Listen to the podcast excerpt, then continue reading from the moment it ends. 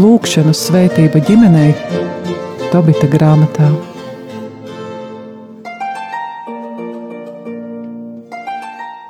Kristus augšām cēlies. Patiesi augšām cēlies. Studijā Stela un Anģela. Šodien turpināsim lūkot, kā risinās notikumi Tobita grāmatā kur tad ir nonākuši Tobijs Razāriju, ja mēs labi zinām, ka tas ir Eņģels Rafaels, jo iepriekšējā reizē lasījām un redzējām, ka Tobijs tiek sagatavots lūgt Raguela meitas sāras roku. Tās pašas meitenes, kurai tie septiņi vīri nekļuvuši pa vīriem, ir miruši. Un Redzējām, ka Tobijs arī savas raizes izstāsta Rafēlam, pat nezinādams, ka tas ir eņģelis. Un eņģelis viņu pamāca, kā ir jārīkojas ar tās zivtiņas sirdi un aknām, lai dēmons tiek uh, aizdzīts. Un atradām arī, ka ļoti svarīgi ir šajā dēmona aizdzīšanas procesā lūkšana. Bet ķēniņģēlis piekodina, lai pirms tu viņai tuvojies, abi piecelieties un lūdziet Dievu. Un piesauciet debesu kungu, lai notiek žēlastība, un tad jums nāk izglābšanās. Un vēl pievērsam uzmanību tādiem interesantiem vārdiem, salīdzinājām arī tulkojumu krieviski latviski.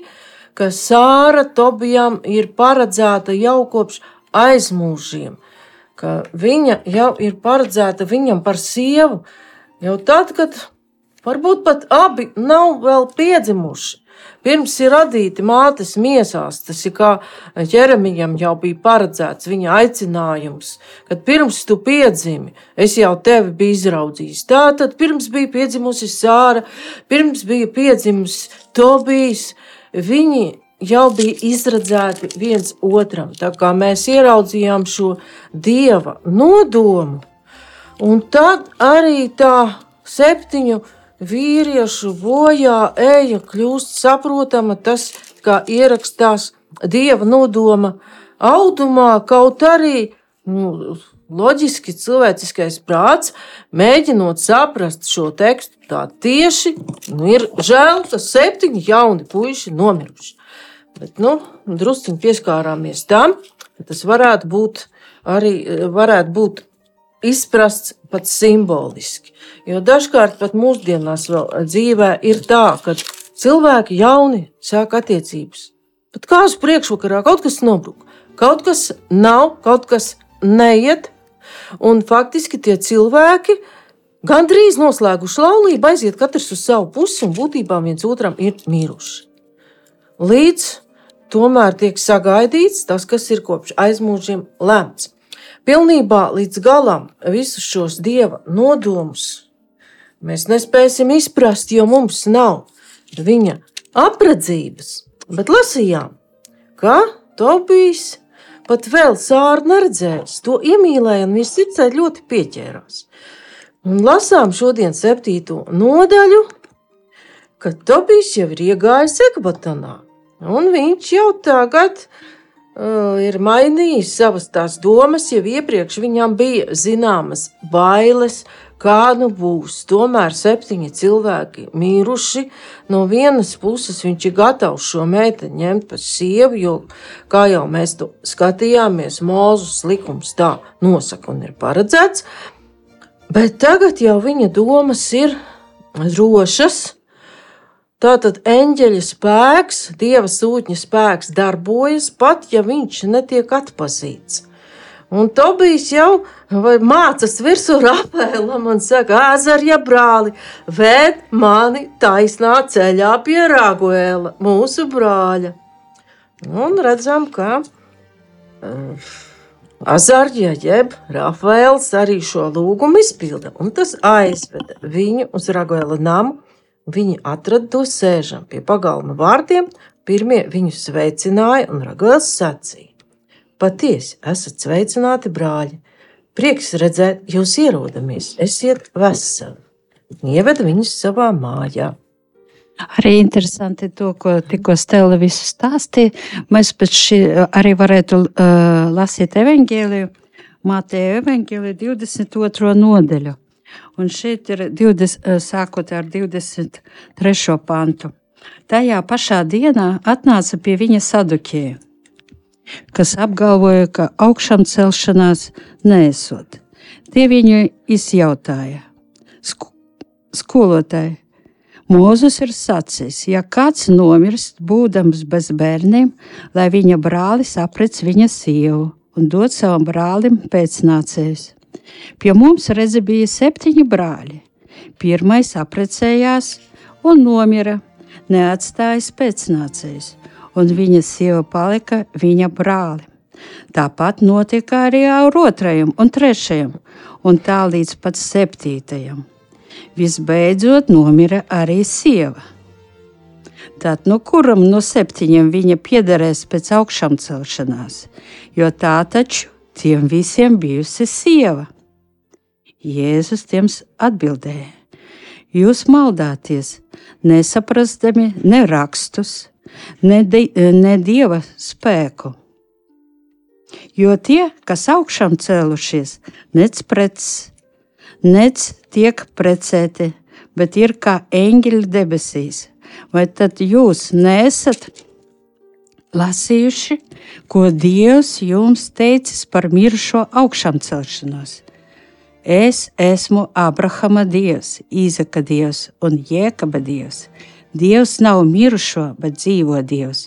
Ļaužu pūlis to dzirdot, bija pārsteigts par viņa mācību. Paldies! Un ar šo tekstu Anģela sniedz tādu zināmu cerību un mierinājumu. Mums ja ir žēl šo septiņu cilvēku, un viņa novirza mūs arī domāt par ļoti būtisku jautājumu. Kādas tad būs šīs cilvēka attiecības, kad miesa un gars būs savienojies un augšām celšanās? Un vēl viņas lasītajā tur bija tāds būtisks vārdiņš, kurš ir, var teikt, ienācis pat jau ar cilvēku atkrišanu no dieva, jau ēdenes dārzā, ka tur sākās tā konkurence, viņa tāda šitāda, tu man viņa devi, jo ko tad viņi prasa tie cilvēki? Kuram, jeb kam, jeb kā tur bija, kam viņa piederēs? Tā tad ir tāds īpašnieciskums, kuram tad viņa būs tas īpašums. Jo austrumu kultūrās, pat ebreju kultūrā, kaut gan tā bija daudz humānāka par, teiksim, asīriešu vai citām, sieva bija vīra īpašums. Tātad no tās puses šis jautājums. No zemes dzīves puses, ja viss notiek šeit un parastajā mūsu miesā, ir loģisks, kam viņa piederēs. Bet Jēzus norāda uz šīm nākotnes cilvēku attiecībām, kad būs augšām celšanās apskaidrotā miesa. Un arī augšām celšanās eh, jūs dzīvojat kā neprecēti un tā tālāk. Mēs lasījām. Nu, tas to. ir ļoti diskutējams jautājums, cik tālu var atrodoties šeit to neprecētību pacelt augstākā statusā nekā, nu, kā Luters nu, teica, nu, svēto laulības kārtu. Jo tas, katu, bet, bet, nu, katolicismā nav, viņas bargi konkurē. augstāk uh, pacelt. Nu, saskaņā ar baznīcas dokumentiem ne. ir augstāk. Mēs tagad runājam ar teviem nu, šai gadu neceļu. Nu, Tāda, jo nu, es tomēr negribētu šajā gadījumā meklēt un lasīt sakra virģinitas numurs 32, jo mēs paliekam tomēr pie svētajiem rakstiem, kuri tik tiešām augstāk neceļ. Jā, svētajos rakstos Jēzus nav pateicis, ka tas būtu pārāk, vai viens veids ir sliktāks par otru. Jēzus nekur to nav teicis.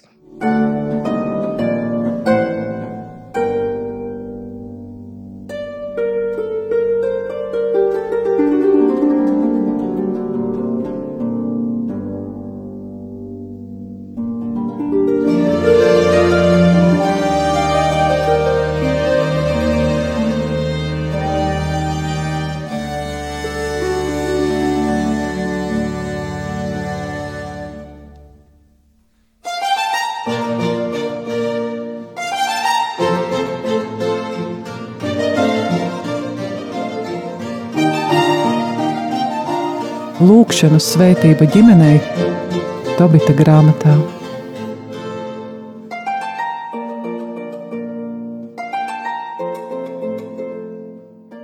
Tagad jau mēs redzam, ka nu, Tobijs ir gatavs ņemt sievu parastajā vecās derības kārtībā.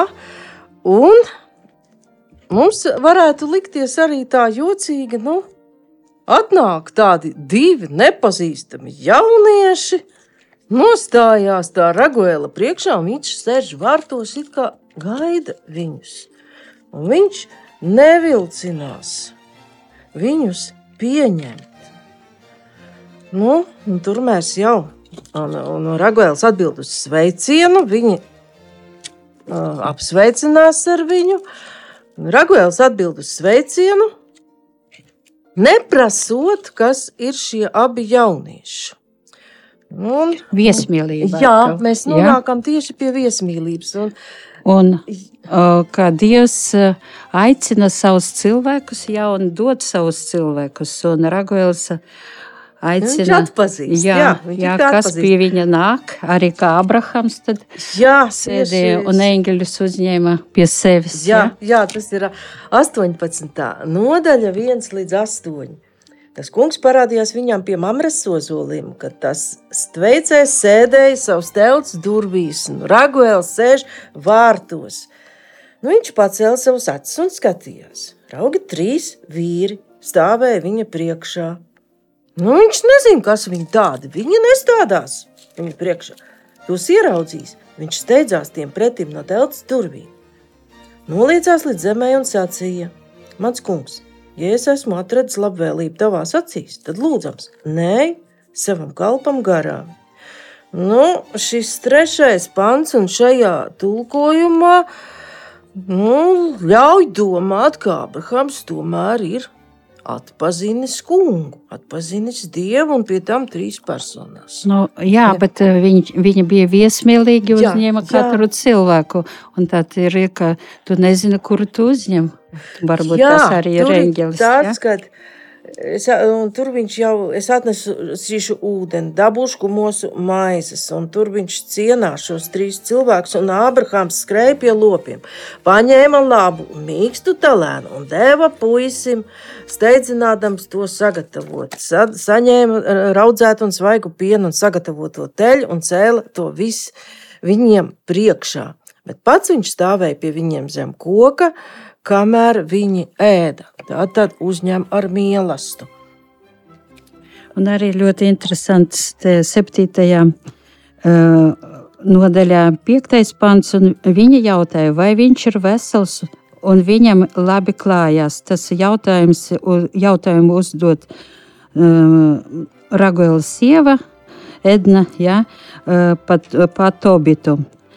Tie viņai atbildēja, viņš ir dzīves un pie veselības, un to bija sacījis. Viņš ir mans tēvs, un Ragoils piec, eh, pielēcis kājās, apskauja viņu un raudādams viņam sacīja: Es esmu svētīts dēls, tāda laba un krietna tēva dēls tu esi. Ak, kāda nelaime! Ka um, tāds vīrs, kas ir taisns un dara žēlsirdības darbus, kļuvis akls. Un to bijām savam brāļam brāļa dēlam ar kaklu kritis, viņš raudāja. Arī viņa sieva Edna raudāja par viņu, un pat viņu meita Sāra raudāja. Tad Ragoils nokava brangu aunu un uzņēma viņus ar lielu dedzību. Paldies! Tad arī šeit redzam šo mīlestību, cienastu, un te ir kā jau pat otrā pantā Raguēls jau atpazīst. Viņš sacīja savai sievai Ednai, Nu, ir ekstrēti, kas uzskata, ka vulgātā tulkojums precīzāks būtu, ka viņa ir Anna, ne Edna, bet nu, tas nav tik būtiski. Bet Ragvēls saka, cik līdzīgs šis jaunietis manam brālim Tobitam. Un tad sieva ir tā, kas jautā, no kurienes esat brāļi. Un tad tiek noskaidrots tas, kas, kas viņš ir. Tiešām, mēs arī varam jā. vērot šeit lielu līdzjūtību, ja, ka visa ģimene raud. Tā kā Tobits palika akls, ja, ka viņu radinieks ir akls un jūt līdzi Tobitam. Arī šeit mēs varētu lasīt uh, 22. nodaļu radīšanas grāmatas. Pēc tam Dievs pārbaudīja Abrahamu, un viņam teica, Abraham, un tas sacīja, es te. Un viņš teica, ņem no savu dēlu, savu vienīgo, kuru tu mīli, Īzaku, ej uz Morijas zemi un upurē viņu tur, kā sadedzināmu upuri uz kalna, kur es tev teikšu. Abraham cēlās agri no rīta, apsegloja ēzeli, paņēma sev līdzi divus pušus, savu dēlu Īzaku, sacirta sadedzināmajam upurim malku, cēlās un gāja uz to vietu, par kuru Dievs viņam teica. Paldies! Jā. Un tā kā šeit Abrahams ir spējīgs uz tādu ļoti lielu upuri, Un, un viņš arī jā. izpilda to, ko Dievs, uz Dievs ko prasa, Dievs jā. viņu prasa, aicina jā, un pārbauda. Un ienāk tajā pārbaudījumā, ko Dievs uz ko aicina. Var viņu. teikt, ka pat viesmīlība ir zināms pārbaudījums. Jo redzam, ka pat Abrahāms un arī šeit Raguēls, nu viņi nav tur izsūtījuši ielūgums un nav taisījušies uz milzīgām viesībām. Viņi uh, tomēr ziedo no sava tās mantības, rocības, kas viņiem ir, arī šo uh, lopu nokauju un maizi un visu to, lai viesi būtu pēduši. Un par viesmīlību atgādina arī jaunā derība. Un, nu, tā arī mums atgādina, ka tomēr šis upuris dažkārt iznāk pat tāds arī paklausīt Dievam par šo viesmīlību, iznāk pat daudz labāks, vērtīgāks nekā mēs domājam. Vēstule ebrejiem 13. Pirmais, otrais pants. Un tieši sasaucās ar Abrahāma vēsturi un arī ar to, ko uzņem Raguēls. Brāļa mīlestība, lai paliek, neaizmirstiet viesmīlību, jo daži ar to pašiem nezinot, savos namos ir uzņēmuši eņģeļus. Un, kā redzam, šeit arī ir uzņemts gan šis pazīstamais uh, cilvēks no Naftaļa cilts, tātad no viņa cilts, kā arī eņģelis, kuru viņš redz kā jaunieti azāriem. Bet nu, faktiski viņš nezinot, ir pieņēmis savā namā eņģeli. Un kad ir šī kopīgā līdzjūtība, tur mēs varam atcerēties arī Jāņa evaņģēlijā. Ja lasām stāstu par Lācaru, varbūt uzšķīri, ja nav, nu, šoreiz nelasīsim, jo laiks mums pamaz, ka arī tur Jēzus raudāja, ka Lācars ir mīris. Kaut gan viņš gāja tālu ceļu, lai uzmodinātu Lācaru, bet tomēr, ka Lācars draugs ir miris, viņam bija kā cilvēkam šī līdzjūtība pret, pret Lācara ģimeni, un viņš raudāja kopā ar šiem viņa dzīvi palikušajiem radiem. Un tālāk lasot, mēs redzam, ka notiek šīs viesmīlības tādas ietvaros paredzētās lietas, Viņi nomazgājās, noskalojās, tad apsēdās pie galda, ieturēt azaidu. Tad viņi ir sagatavojušies šo maltīti, un to viss daudz negaida. Viņš biksta Rafēlu jau azarja brāli, šaka Raguēla, lai viņš sāru manu māsīcu dot man par sievu.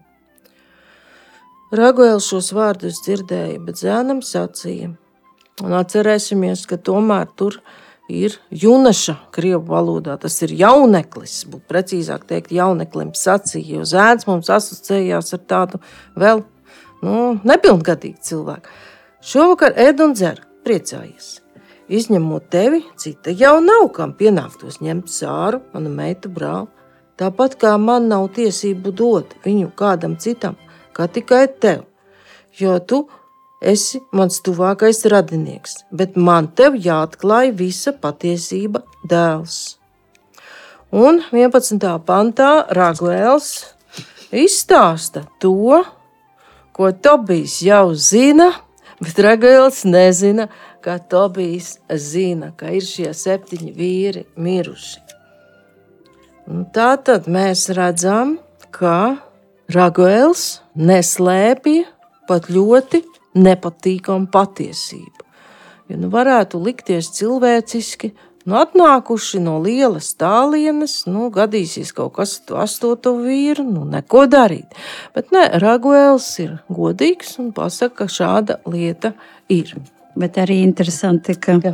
šeit eh, mēs nobeigsim to 11. teikumu, bet tu dēļ sēdi un dzer tagad. Gan jau tagad, kungs jā. darīs mums pēc sava prāta. Tātad Ragoils jau arī saprot, ka viss notiek pie, pēc kunga prāta. Arī šeit tā uzstājība.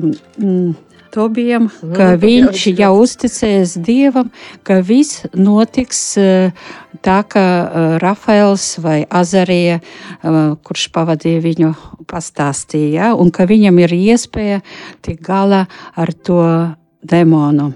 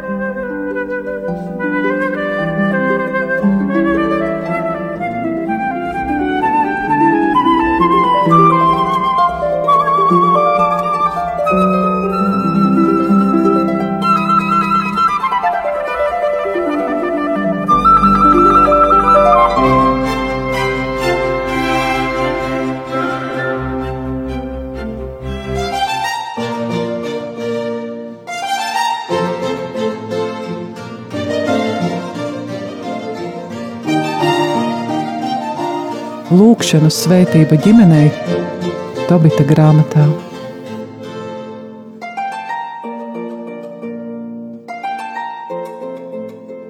Un šeit arī mēs varētu izlasīt arī vēstuli ebrejiem. Atkal ticībā no uzņēma dieva norādījumu par to, kas tad vēl nebija redzams, un dievbijībā sagatavojuši kirstu sava nama glābšanai. Tādējādi viņš pasludināja spriedumu pasaulē un iemantoja taisnību, kas saņemama ticībā. Ticībā Abrahams paklausīja dieva aicinājumu un devās uz vietu, kas viņam bija jāiemanto. Un tā tālāk, un tā tālāk. Jā, paldies! Un arī šeit mēs redzam, ka uzticoties dievam, Tobijs iet tādu lielu ceļa gabalu, nu, it kā pēc tās sudraba, bet faktiski jau tas dieva nodoms ir šī laulība, un jūtas ļoti mierīgi. Nu, un vēl ir tas, varam ievērot arī šovakar, ēd un dzer un priecājies. Būt šeit un tagad. Priecāties, ka tu esi atnācis šo ceļu, saticis šo savus radiniekus, dzīvus un veselus. un pat sasaucas ar veco derību, arī šoreiz es nevēršu vaļā. Un nelasīšu tieši, kad Izraēļa bērni ceļo tūkstnesī, ma, un saņem mannu, arī viņi saņem tieši tai vienai dienai. Viņiem pietiek.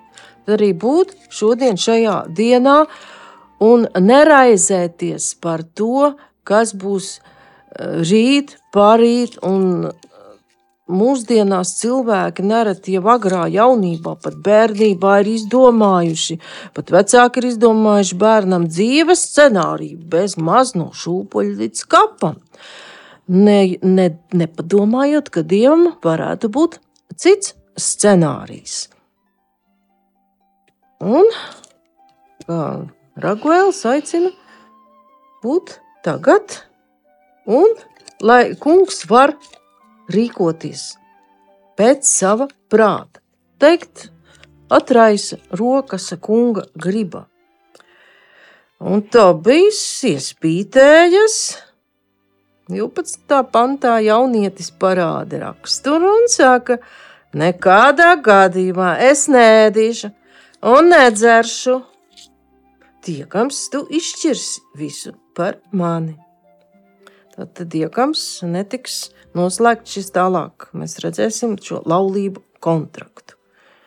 Raguēls piekāpjas, arī varētu teikt, uzticas dievam. Es darīšu. Un jo tālākais teksts parāda, ka arī Raguēls nav skaidrs kādā veidā, bet ir sapratis to, ko arī Rafaels saka Tobijam. Teksti ir ļoti līdzīgi. Tad nu viņa ir tev atdota pēc mūzes grāmatas sprieduma, un tā ir nolemts no debesīm. Tad arī Rāguēls, nezinādams neko par Tobija un Rafaela sarunu, jau atkārto šos pašus vārdus. Nolemts no debesīm, ka viņa tiek, tev tiek atdota, saņem savu sievu. No šā brīža tu esi viņas vīrs, un viņa ir tava sieva, atdota tev no šodienas uz visiem laikiem. Un debesu kungs piešķirs jums veiksmi, dēls, jau šajā naktī, un dos pār jums apžēlošanu un mieru. Tātad redzam, ka šeit arī Nākamais sievas tēvs uztver, uztver šo dieva nodomu un lasām arī šos vārdus, atdota tev uz visiem laikiem. Jo, nu, kā radīšanas grāmatā jau mēs iepriekš skatījāmies, un ka tie būs viena miesa, Un tādēļ vīrs, otrā, grāmata, otrā nodaļa, 24. Tādēļ vīrs atstās savu tēvu un mātu un pieķersies savai sievai, un tie kļūs par vienu miesu. Nu, un miesa mums ir tāda, kāda ir uz visiem laikiem, jo mēs nevaram paši gribēdam pēc savas gribas nomainīt roku vai kāju, tāpēc, ka tā nepatīk. Un jaunā derībā ir sacīts, es šoreiz arī uzreiz neatcerēšos tieši šo fragmentu, uh, ko Dievs savienojas cilvēks, lai nešķir. Tātad šo e, domu mēs redzam jau pat šeit, Tobija grāmatā.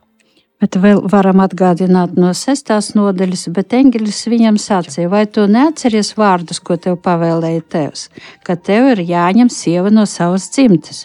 Un tagad uzklausi mani brāli. Par dēmonu vairs nevārda, tādēļ, ka viņai ir jākļūst par tavu sievu.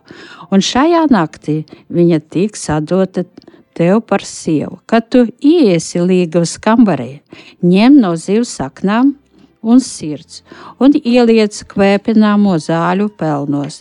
Tad izplatīsies smarža un to odīs dēmons.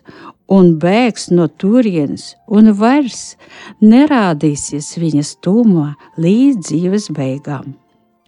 Un pirms tu viņai tuvosies, Abi piecelieties un lūdziet Dievu, un piesauciet debesu kungu, lai notiek žēlastība, un par jums nav izglābšanās, nebīsties, jo viņa tev ir sadarināta pirms šā laika, un tu viņu izglābsi, un viņa ies ar tevi, un es paredzu, ka tev būs no viņas bērni, un tie būs tev brāļu vietā neiebilsi vairs ne vārda. To teica Rafaels. Paldies! Un kad mēs lasīsim jau tālāk, vai mēs paspēsim jau šajā sezonā vai nākamajā, redzēsim, ka tiešām septiņi dēli būs šajā laulībā. Un tālāk seko jau tādas praktiskas lietas, kad tiek noslēgts šis laulību kontrakts.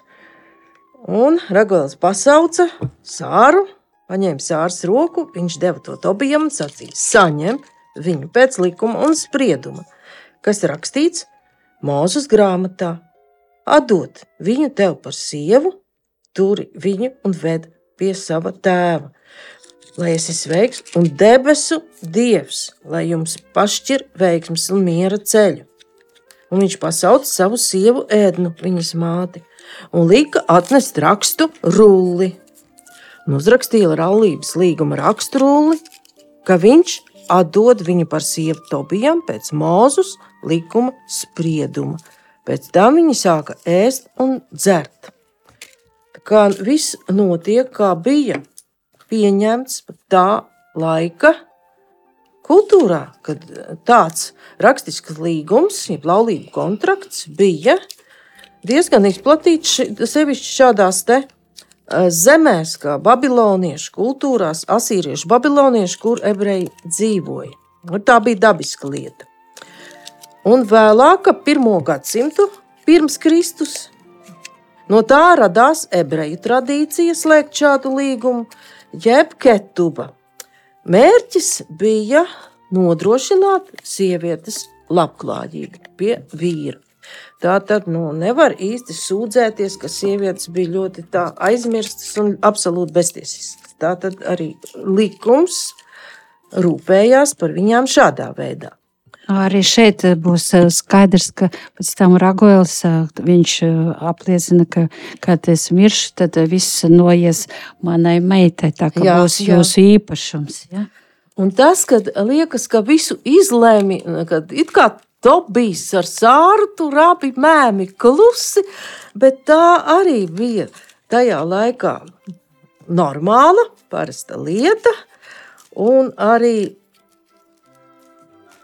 radīšanas grāmatā, ja mēs lasām, kā notika ar Rebeku, ar Līgavu Īzākam, mēs arī varam lasīt 28, 50, kad abas tās puses, kas nu tur vienojas, Lābans un Betuēls atbildēja un sacīja: Nu, tā, kunga, tas ir nācis.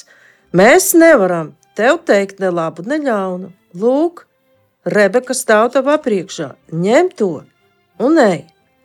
Un viņa, lai ir tava dēla, kunga dēla sieva, kā tas kungs to ir gribējis, arī tur tiek saprasta dieva griba, lai varētu noslēgt šo laulību. Arī var jau izlasīt arī tādu līdzību ar Tobita grāmatu. Treša, tā ir Levītu grāmata par Ārundēliem. Ārundēli, Nābats un Abihu ņēma katrs savu kvēpināmo trauku, lika tur uguni un par to kvēpināmās smaržzāles un pienesa kunga priekšā svešu uguni, ko viņš tiem nebija pavēlējis. Tad nāca uguns no kunga vaiga, aprie viņus, un tie mīra kunga priekšā. Un Mūzes teica Āronam: Tā kungs ir runājis, tajos, kas man tuvi, es būšu svēts.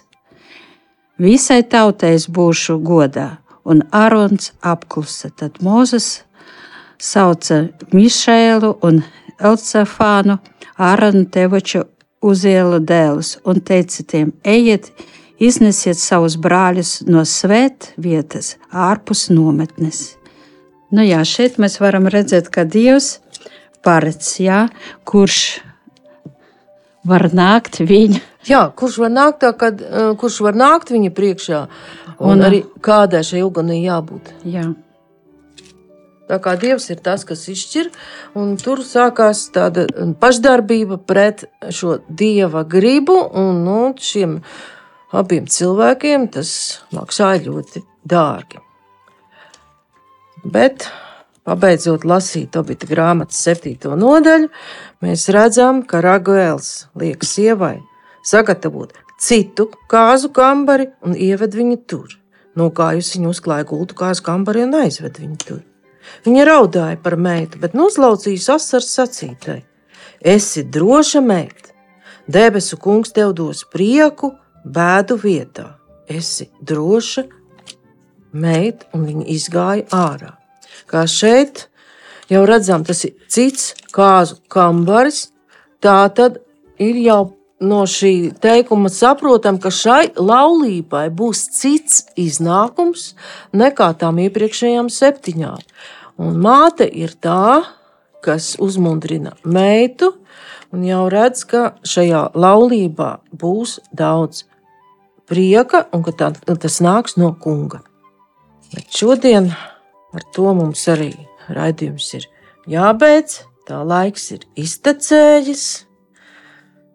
Un nākamreiz jau mēs būsim kopā ar Tobitu, lai lasītu un redzētu gara acīm, kā viņš sakauj dēmonu un kā jaunais pāris lūdzas.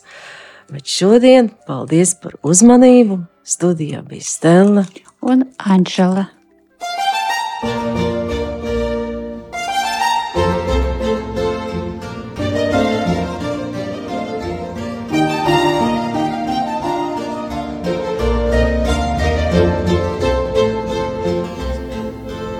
Izskanēja raidījums Lūkšanas svētība ģimenei Tobita grāmatā.